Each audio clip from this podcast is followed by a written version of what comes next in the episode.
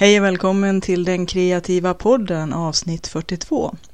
Idag tänkte jag skulle börja med att plugga min egen ljudbok Kreativitet och flow enligt Siddharta eftersom att jag för några dagar sedan fick meddelande från Elib att den finns nu ute att köpa på några av de större ställena, bland annat Adlibris och Bokus och Bokon och på en del bibliotek redan faktiskt finns ljudboken.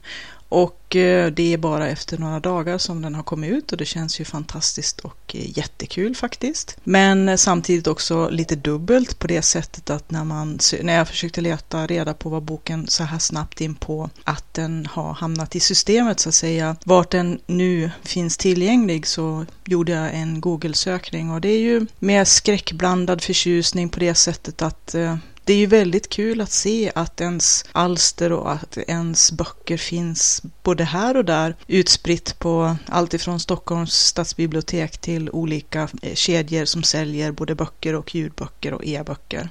Fantastiskt kul, men också lite hemskt eftersom att som den introvert jag är så är det också liksom dubbelt att se sig själv publicerad för att det är svettigt på något sätt. Jag vet inte, det är svårt att beskriva men man känner sig väldigt, jag kan tänka mig lite grann som August Strindberg sa då när han hade gett ut någon bok att det är som att ha sitt hjärta hänga på en krok i ett skyltfönster. Och faktiskt så känns det så när man publicerar saker, att överhuvudtaget visa sitt kreativa arbete är oerhört eh, påfrestande också. Det är jättestimulerande och jättehärligt när man får se det man har gjort. Det som från början, som jag pratat om i en tidigare podd, var bara ett tankemoln som helt plötsligt formade sig till att bli en eh, fysisk sak. Det behöver inte vara en fysisk sak i ett föremål eller i en artefakt eller i någon typ av sak som kan delas av andra människor. Det kan ju vara som jag pratade om då, en mastermindgrupp mastermind-grupp eller ett nätverks, nätverkande eller någon typ av virtuell gemenskap också. Det behöver inte vara en fysisk sak eller en fysisk produkt som så. Utan bara att den idé som man en gång bara hade som ett vagt litet elektronmoln i skallen blev en fysisk manifest produkt eller någonting som människor kan dela eller ta del av. Och det är ju fantastiskt härligt alltså. Men samtidigt också så, så som den introvert jag är så även om jag är oerhört utåtriktad och eh, pratar väldigt mycket och väldigt verbal men det ska man inte missta för att man är extrovert utan det är mera det att man antingen inte, man behöver inte vara blyg. Det finns extroverta som är blyga säkert också men introvert är inte samma sak som blyg även om att många introverta också är tillbakadragna och blyga och ganska tystlåtna. Men jag har lärt mig genom att jag har hållit så mycket föreläsningar, haft så mycket kurser och efter en viss tid i mitt liv växlade om till att bli en mera utåtriktad och meddelsam person. Så jag är ganska verbal och jag kan ta över ett helt rum. Men det har ju ingenting att göra med om man är introvert och extrovert att göra, utan det handlar ju bara om hur mycket energi det tar att faktiskt vara i ett socialt sammanhang eller i en grupp med människor, eller som i det här fallet, att, att på ett vis bli sedd när man har producerat och eh, publicerat saker. Att man eh, helst av allt så vill man bara fortsätta sitt kreativa arbete och skapa och göra en massa, massa bra en massa bra innehåll, en massa content som andra kan ta del av och ha jättestor nytta. Det är i alla fall min avsikt med det jag sysslar med som är mitt mål och som driver mig att skapa väldigt mycket bra innehåll och sånt som jag själv har eftersökt och önskat att jag hade haft och att andra skulle kunna ta del av det samtidigt som att jag på något vis vill göra det och vara osynlig och det går riktigt inte ihop. Utan man måste också samtidigt, många gånger i alla fall, inte kanske i alla kreativa sammanhang och kanske inte i alla kreativa yrken eller i alla kreativa uttryck. Kanske man inte måste vara mer eller mindre en publik eller synlig person men mer och mer så blir det ju faktiskt så. Förr i tiden så kunde författare som hade fått för förlagens gunst så att säga eller hade någon förläggare som, som vurmade för deras konst. Det var lite andra tider då, lite mindre, eller inte bara det ekonomiska och inte bara vinstintressen som drev saker och ting och inte bara drev det kulturella eller kreativa arbetet som det är idag mycket mer. Om man bortser från det så kunde författare ganska mycket arbeta på sin kammare i ganska sluten tillvaro för sig själva och sen då och då lämna ifrån sig sitt arbete och om det blev godkänt och okej, okay, alltså blev det publicerat. De satt inte i några intervjuer, behövde inte ha några bloggar eller poddar eller hålla på med en massa hemsidor och visitkort och nätverk och sådana saker. De satt hemma och skrev. Och det är klart, det kanske är en romantiserad bild. Det var nog säkert inte någon fest. Många hade ju problem med missbruk och har väl kanske fortfarande. Det är väl ingenting som har försvunnit. Och ensamheten och isoleringen kan ju vara ganska skadlig också många gånger tror jag. Så att, att vara introvert, det är ju lite grann besvär på många sätt, förutom att omgivningen och normen kanske i första hand föredrar, eller det är kanske är fel ord, men prisar eh, de extroverta och att vi introverta försöker att lägga oss till med eller lära oss mer extroverta tekniker för att uh, ta oss fram så att säga. Det finns en jättebra bok som heter Quiet utav eh, Susan Kane, om jag inte minns fel, som är otroligt bra. Jag kan varmt rekommendera den boken och att lyssna på henne hennes TED-talks också. Många gånger så är det ju faktiskt de introverta som kanske har skapat en hel massa kvalitetsinnehåll eller content. Men att eh, för att få ut i världen så krävs det någon typ av extrovert eh, verksamhet. Och förr i tiden var det ju förläggaren som skötte det. Eller vilken det nu var som var producent och säljkanal och eh, som höll kontakten med, med målgrupper eller kunder eller de som var mottagare utav det som man hade skapat. Nu är det inte riktigt så. Tiderna förändras både på gott och ont och jag tycker att det mesta av förändringarna är faktiskt helt klart positiva och jättebra. Därför att det kreativa arbetet har ju i, i och med datorer och internet och de möjligheter som kommer med det gjort att det blivit en demokratisering på det sättet att vem som helst med en ganska medioker digital utrustning, en ganska simpel dator och kanske en digital kamera eller, eller en mobil och en internetuppkoppling kan åstadkomma jättemycket på egen hand som förr var totalt omöjligt. Förutom att en hel del av de tekniker och de mediaformer som vi har idag fanns ju inte, var ju inte tillgängligt, utan det var ju tryck som gällde. Och tryck har ju många kvaliteter och vissa saker kan man inte uppnå på annat sätt än med tryck. Men det finns en hel del saker som man inte kan uppnå med tryck som vi har andra sätt att både uttrycka kreativitet och eh, dela innehåll, bra innehåll. Och då har ju den här digitala revolutionen, om man nu ska kalla det för det, erbjudit och innebär en väldig massa fördelar och möjligheter för kreativa människor. Allt ifrån youtubers till författare som kan publicera böcker som ljudböcker som nu för mig då ljudbok och eh, elektroniskt. Jag publicerar en hel del saker elektroniskt. Man slipper såga ner hela skogar och eh, en massa träd som sen kanske om det inte säljs måste bara göras till pappersmassa. Känner jag lite onödigt med tanke på skogen. Om vi kan ta del av en massa innehåll på annat sätt. Och eh, i många fall också faktiskt göra innehållet mera, ge det mera dimensioner. För text kan ju kompletteras med ljud och ljud kan ju kompletteras med rörlig bild. Det behöver inte längre vara det här linjära tänket som det ofta blir med böcker eftersom att böcker läser man ju oftast från en sida till nästa sida så där rakt igenom. Nu är det ju lite olika, det beror på vad det är för typ av bok naturligtvis. En del böcker kan ju användas som referenser om man bara slår upp just det området eller det kapitlet eller det avsnittet som just då är intressant som man måste fördjupa sig i. Det var inte egentligen det jag skulle tala om idag, utan eh, det var mer det här med att jag ville plugga ljudboken och den finns som sagt nu ute kreativitet och flow enligt Siddharta och det är första delen. En massa material som inte är tillgängligt i, i den här podden finns med där. Om man vill lyssna på det koncentrerade innehållet ifrån de här poddarna, en hel del bonus och extra material och sånt som faktiskt inte finns med i poddarna, kan jag varmt rekommendera Kreativitet och flow enligt Siddharta. Och den kommer väl att hittas på fler och fler ställen nu. Det här är ju bara startskottet och det är den första delen i en serie, men det kommer nog att vara ganska långt emellan gångerna. Så att sex timmar tror jag den är av eh, koncentrat, förhoppningsvis kloka och eh, hårt inarbetade och intjänade insikterna i det som är både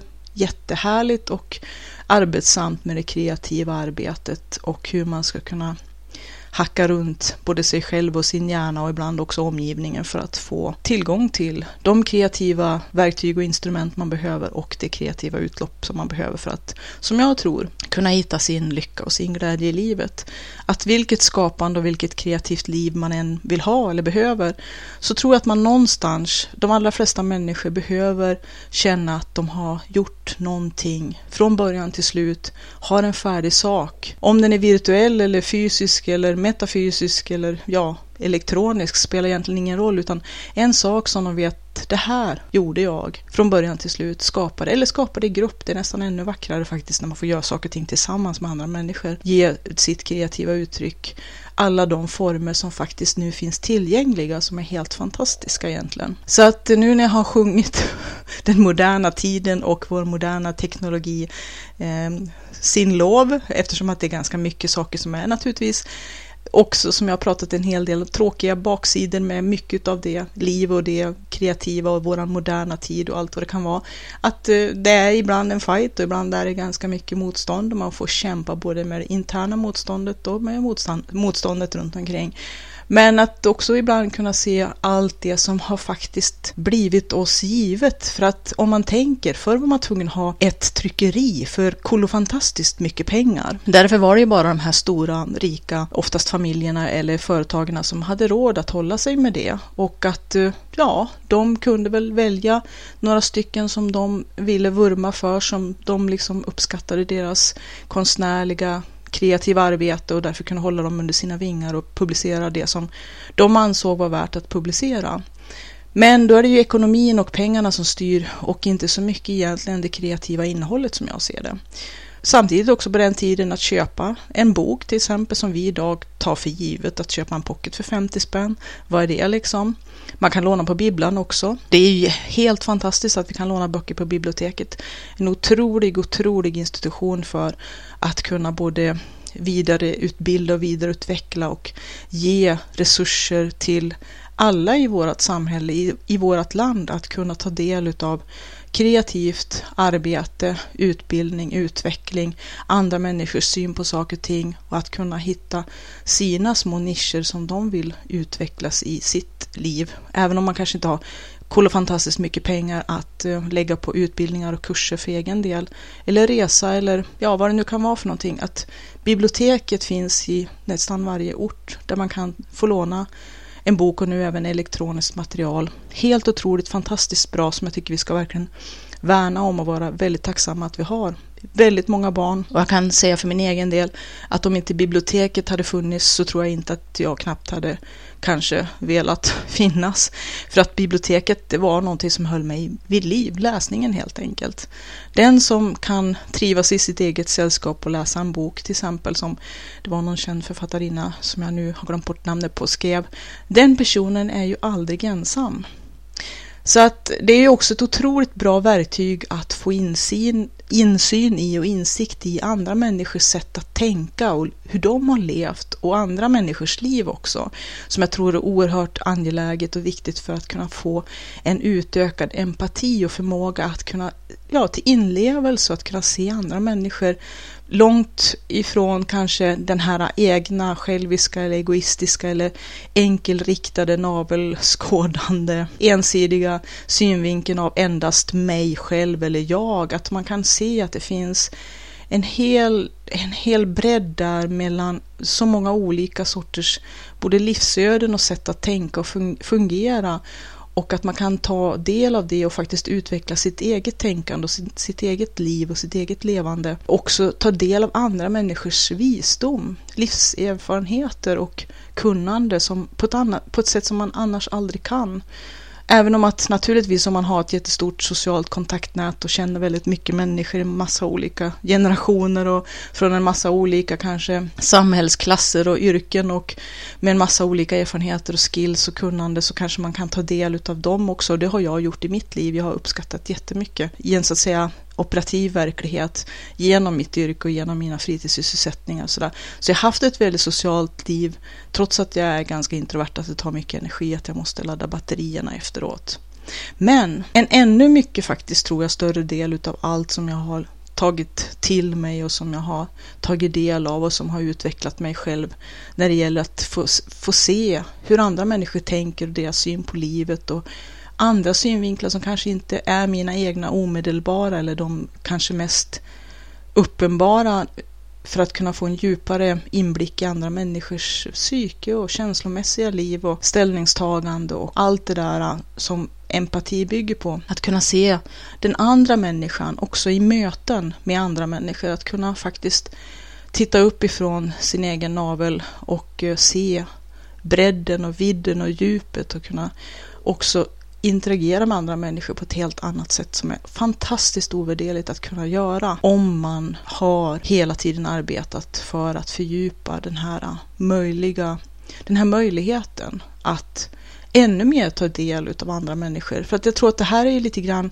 exponentiellt. Att ju mer man vidgar sin, sina synvinklar och sin förståelse för andra, sin empati och sin inlevelse och sin erfarenhet och naturligtvis parad med egen livserfarenhet, så ökar ju ens förmåga exponentiellt att ta mer och mer del av det som sker runt omkring en och det som andra människor kan ge. Och även då annan input som i form av böcker och ljud, ljudböcker och poddar och, och bloggar och texter och ja, all interaktion också via nätet. Allting är ju inte av ondo, även om att jag tycker att man ska vara både lite självkritisk och lite observant så att man inte fastnar i internetträsk eller i chattträsk eller i dating sites träsk eller sport-tv-träsk. Ja, jag menar, man kan ju sublimera bort livet på jättemånga olika sätt.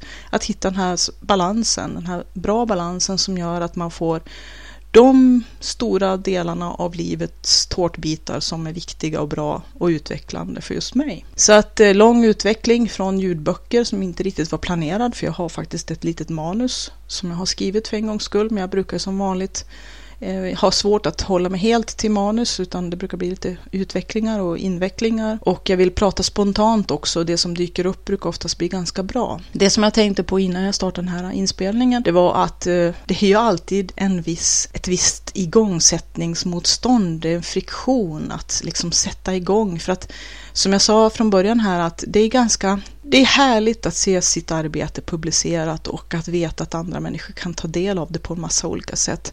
Men det sätter också en viss press, även om att jag försöker avdramatisera den här pressen både för dig som lyssnar och för mig själv på en massa olika sätt med alla de tekniker som jag har tänkt ut och utvecklat och som jag också då naturligtvis genom andra kreativa människors böcker, ljudböcker och bloggar och poddar har tagit del av och sen har gjort till mina egna som jag har modifierat och utvecklat vidare och som jag försöker delge och dela genom den här podden bland annat och i den här ljudboken Kreativitet och flow enligt Siddhartha. Men det är alltid ett motstånd och det är också ganska otäckt. För att alla kan ju bedöma och ha åsikter om ett kreativt arbete utan att själva ha åstadkommit ett piss rent ut sagt. Jag menar hänga över axeln och peka och tycka och tänka och känna en massa saker, det är ju skitenkelt när det finns en färdig grej som man kan ha åsikter om. Men att faktiskt skapa någonting själv, det är verkligen inte himla enkelt. Och alla kreativa människor vet vad jag pratar om nu. Och det är ju också det att man känner sig ju en hel del utsatt. Ungefär som August Strindberg med det här hjärtat som hänger på en krok i skyltfönstret. Man är väldigt utsatt och man är ju liksom, ja, man har ju gjort sig som ett möjligt mål för, ja, naturligtvis både beundran men också bedömning. Och det är någonting som man måste skaffa sig tjockare och tjockare skinn. Att eh, både våga utsätta sig och uthärda att bli sedd, att bli ja, synlig. Och det kanske är de som är extroverta tycker gud vad konstigt. Skulle, det är ju det jag vill hela tiden. Men eh, för de introverta människorna är det verkligen inte så himla enkelt. Vi vill oftast verka men inte synas. Om någon ska kunna ta del av det som man har gjort, det som man har skapat och ens kreativitet och när man vill dela med sig av det som man ändå tycker var ganska faktiskt användbart och nyttigt åtminstone för en själv och som man hoppas att andra också ska kunna ta del av och ha nytta av så måste man ju någonstans visa sig. Man måste ju hitta någon slags output, något, eh, någon kanal för det här att kunna både hittas och synas och tas del av utav andra människor. Och det är ju oerhört skrämmande och otäckt på många sätt och det är väl en tillvärning, tänker jag. Att man får väl som skaffa sig tjockare och tjockare skinn och lära sig mer och mer att uthärda den här pressen att att eh, synas lite mera och höras lite mera. Och det är någonting som jag pratade om i en tidigare podcast att jag är inte så jätteförtjust i att stå framför kameran. Jag är en person som gärna fotograferar och det har ju varit en stor del av mitt yrkesliv också. Fotograferandet, både som anställd och som egen. Att eh, jag som sagt mest är van att stå bakom kameran och det är det som jag föredrar. Men i och med att jag har hållit på med forntida järnframställning och vi har eh, event som är öppen för allmänheten ett antal gånger om år och eh, också har figurerat i tidningar och i, olika, i olika sammanhang med intervjuer och eh, egna reportage också så måste jag ju bli synlig eller göras synlig och när folk kommer till våra järnframställnings och smidesevent så ja, folk har ju kameror och eh, många är där för att fotografera och eh, även då nu med alla mobilkameror som finns. Så jag menar, från början var det jättejobbigt. Men nu, dels så har man ingen kontroll så att man måste bara släppa den biten. Och det har ju varit ett jättebra sätt för mig att träna på att helt enkelt, rent ut sagt, skita i att okej, okay, nu är det massa folk som förmodligen fotograferar och filmar mig. Det blir väl som det blir. Alla är ju inte superduktiga fotografer så en del bilder man har sett i efterhand är ju rent horribla. Eftersom att man själv har kanske en hel del andra krav på hur en bild ska se ut och hur man vill kanske framförallt att det som man gör ska presenteras. Men det är bara att släppa det. Och det är lika när det gäller att skriva böcker eller vilken typ av kreativ verksamhet man än sysslar med. Om det är textila vävar eller mm, keramik eller om det är böcker eller om det är sång eller ja, vilket uttryck man nu än har som sitt kreativa uttryck så kommer det ju vara människor som kommer att kanske presentera eller återge det som man gör eller som man brinner för på ett sätt som känns väldigt främmande. Nu har jag ändå lärt mig en hel del, både att kunna släppa taget om det här och försöka undvika att tro att jag kan kontrollera allting, för det kan man inte.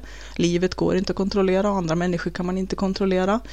Däremot så har ju en del metoder kommit till pass att eh, efter några kanske mindre lyckade saker som har hänt så har man lärt sig. Som en sån sak som när eh, journalister har velat intervjua och skriva reportage och sådär så har jag ju och nu har ju det blivit mer standard tycker jag faktiskt också bland journalister att de vill och låter en läsa det de har skrivit så att man får kolla att allting stämmer med i alla fall sak, sakfrågor och fakta är rätt och det vill ju de också naturligtvis att det ska vara så.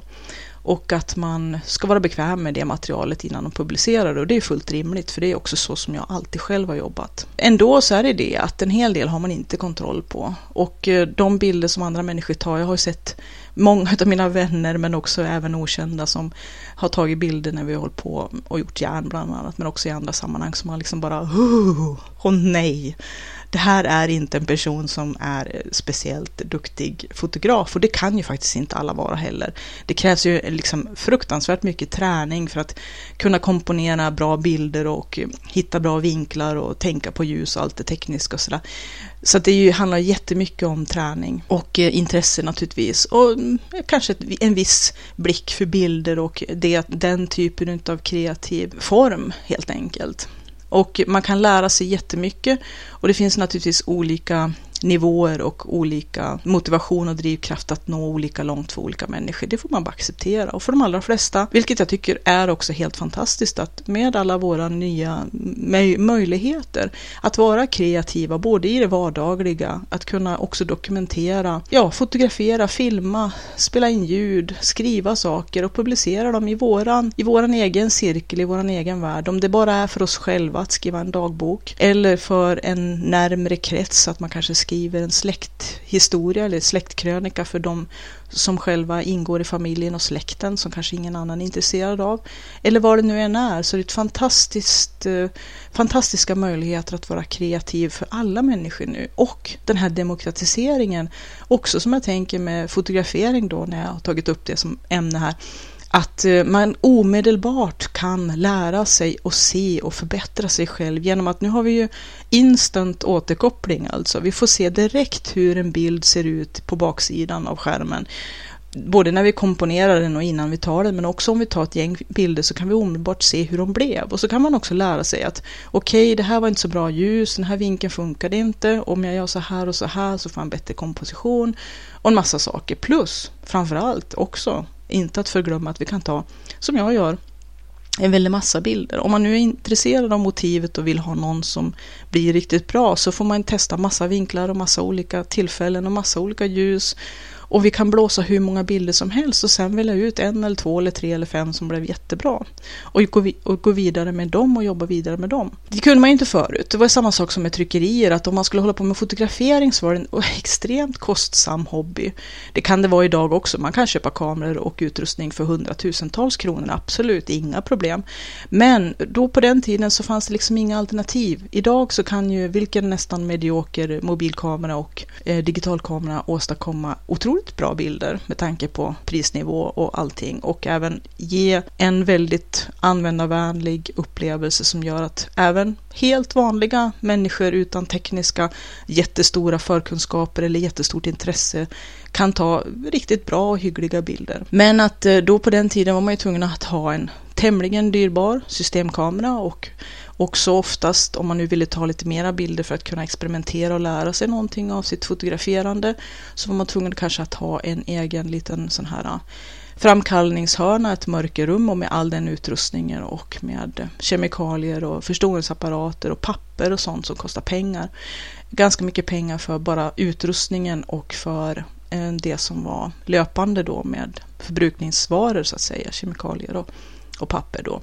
Idag så kan vi ju ta hur mycket bilder vi vill och vi kan ha dem lagrade på telefonen eller i datorn och på hårddiskar och i molnet och sen kan vi välja några stycken vi tycker är särskilt fina om vi vill och jobba vidare med dem, använda dem i våra olika sociala medier ifall vi har lust, om vi skriver kanske texter eller bloggar eller har något specialintresse. Allra helst då kanske kunna vidarebefordra och dela det med andra. Helt fantastiskt och underbart faktiskt. Men också det att vi kan lära oss jättemycket på vägen. Och även om man inte har alla kunskaperna från början så kan man ta del av Youtube och man kan lyssna på poddar som jag gör jättemycket kring mina specialområden som handlar om skrivande till exempel. Ta del av en hel del andra människor i forum och nätverk som sysslar med just exakt den lilla nisch av kreativt skapande eller intresseområde som vi är intresserade av. Om det handlar om att binda flugor eller för fiske eller om det handlar om akvarellmålning eller keramik eller om det handlar om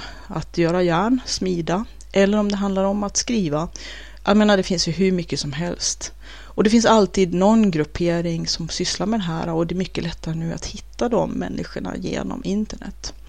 Och att kunna nätverka även om, som till exempel med järnframställning, vi är inte så många som sysslar med det framgångsrikt och framförallt inte om man nu ska vara lite krass och säga på riktigt. Det är många som åskådliggör järnframställning, vilket är jätte jättebra och jätteviktigt. Till exempel olika vikingaföreningar och olika hembygdsföreningar som visar med tidsenliga dräkter och så vidare hur det gick till. Men oftast så kanske man inte direkt gör järn. Man orkar oftast inte smida ut den här slaggklumpen som ligger i botten. Men de är jätteglada och alla är jättenöjda och det ska absolut vara med på banan för att det här är hemskt viktigt ur, ur folkbildningssyfte tycker jag, att vi ska känna våran, våran historia, våran kulturhistoria och våran industriella kulturhistoria och det som har varit ryggraden till våran ekonomi om man ska vara med järnframställning, gruvdrift och skog, bara för att ta något exempel. Men om man nu tänker så kan vi ta del av och vara del av allt det här delandet. Så att även om som med järnframställning att det inte finns så många grupper eller människor som sysslar med just precis vårat område som är arkeometallurgiska försök att ta reda på det tekniska, hur man egentligen gjorde tekniskt, inte egentligen som reactment, som är minst lika viktigt också naturligtvis. Men att eh, de grupperna och de människorna är väldigt få, men internationellt sett, om man tittar så finns det otroligt många människor över hela jordklotet, fast vi är väldigt spridda över hela världen faktiskt. Och de finns i mitt kontaktnät. Och eh, det är ju också en helt otrolig möjlighet att kunna connecta med en massa människor som sysslar med exakt samma saker och kan man hyggligt prata engelska och skriva engelska så brukar det vara väldigt lätt att kunna kommunicera och ta del utav och dela med sig av det som är ens gemensamma område och intresse och det man brinner för och kanske också dela både information och kunskap kring och ens egna erfarenheter och det som man själv har lärt sig och det är det vi sysslar med. Och det är väl också det som är anledningen till att jag sysslar med den här podden. Det är för att dela det som jag själv har hittat på min väg. Men också genom mina böcker och nu då ljudbok då, Kreativitet och flow med Siddharth. Där jag pluggar den igen eftersom att jag är så himla glad att den nu äntligen har trasslat sig igenom hela systemet och finns ute efter mer än ett, ett och ett halvt år. Så långt kan det ibland ta. Så man får ju inte bara vara utrustad med väldigt mycket skinn på näsan och eh, tjock hud. Man måste också utrusta sig med väldigt mycket tålamod ibland och ha den här uthålligheten. Och den tror jag att vi måste träna mycket mer på, allra helst nu i moderna tider när det handlar väldigt mycket om nu, nu, nu, ja, ja, ja, liksom väldigt mycket instant gratification. Och eh, med den baksidan utav våra de här eh, elektroniska och digitala devices som vi har, att allting ska ske på direkten och det ska vara omedelbart och det ska vara enkelt och det får inte ta tid. Och vissa saker tar tid att lära sig saker och ting tar tid. Och eh, man pratar ju om 10 000 timmar för att bli expert eller riktigt duktig på någonting och det kan ligga någonting i det. Men också att vi måste vara väldigt uthålliga och tåliga på många sätt. Det är inte bara det att vi måste ha lite tjockare hud att klara att det finns folk som kommer att ha åsikter om det vi gör och det är väldigt lätt som sagt att vara både kritisk och bedöma och hänga vaxen på andra som har skapat saker utan att själv ha stuckit ut näsan eller ha något skinn med i spelet som man kan förlora genom att man själv har gjort någonting.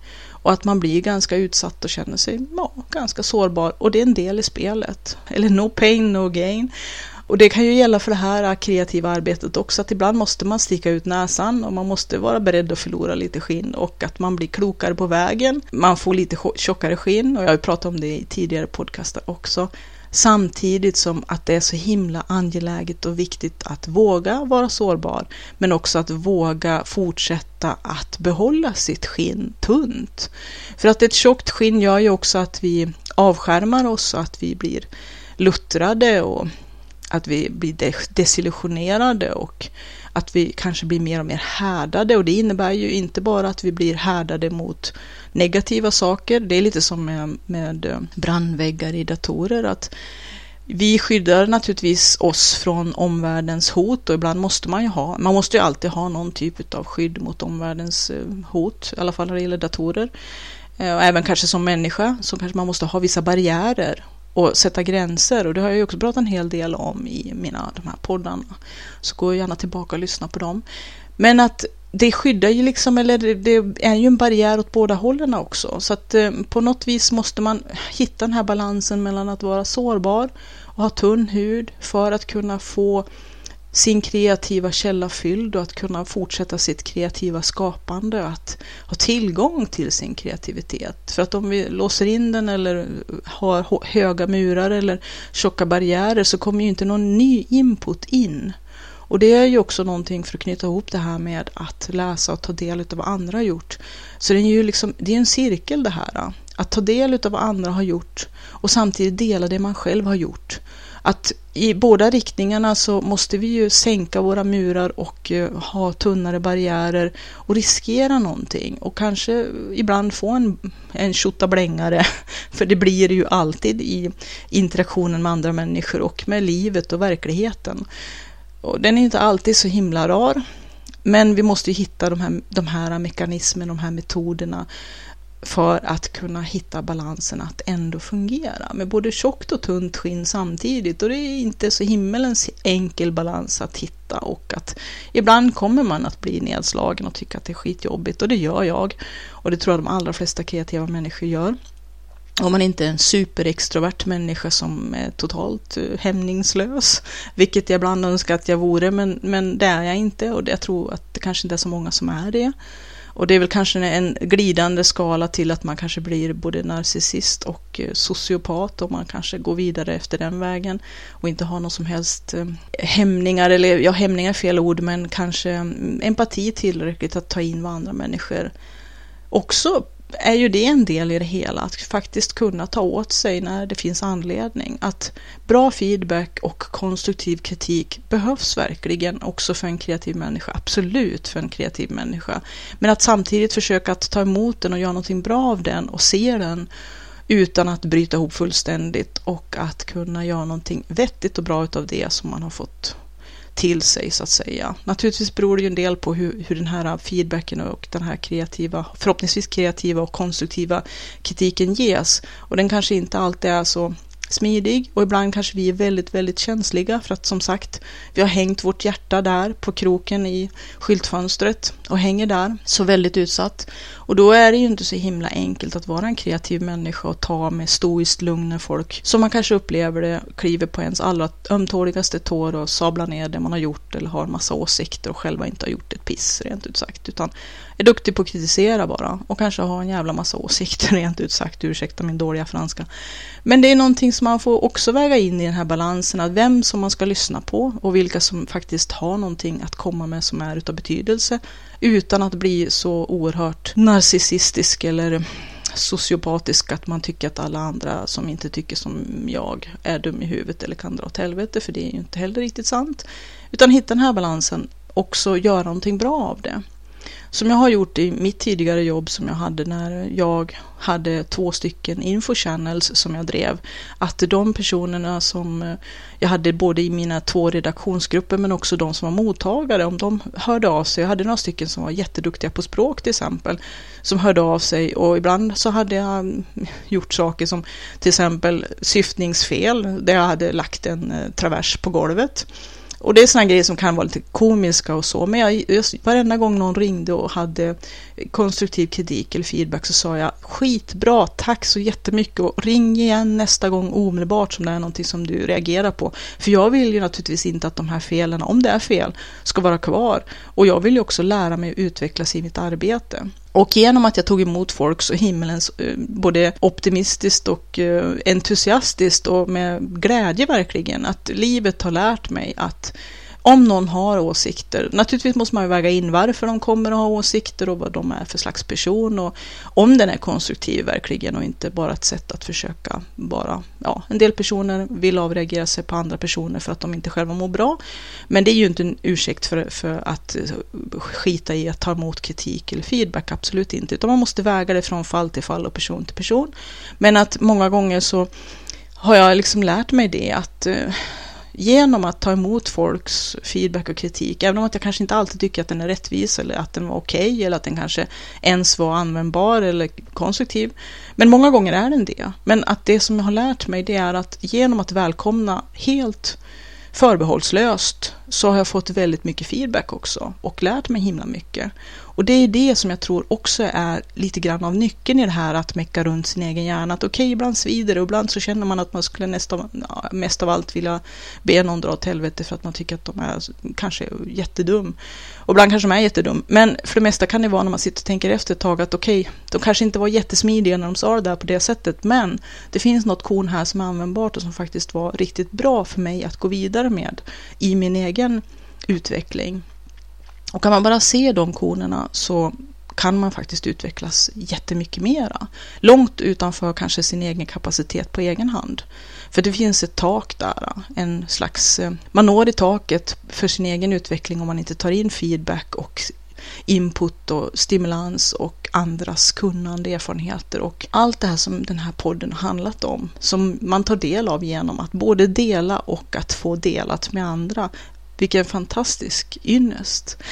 Och med det tänkte jag sluta den här podden. Hoppas att du har haft behållning av den. Om du vill stödja den här podden och supporta den så kan jag rekommendera dig att gå in på www.sidharta.se www.ziddharta.se Där finns det en länk både till butiken där man kan köpa mina böcker Eh, oftast billigare än i de stora kedjorna naturligtvis, för det finns ingen mellanhand. Och man kan också klicka på länken bidra om man vill supporta på något sätt. Och där finns det lite tips hur man kan göra för att hjälpa den här podden. Och eh, ha det gott nu och jobba vidare med dina kreativa projekt så hörs vi igen. Hej då!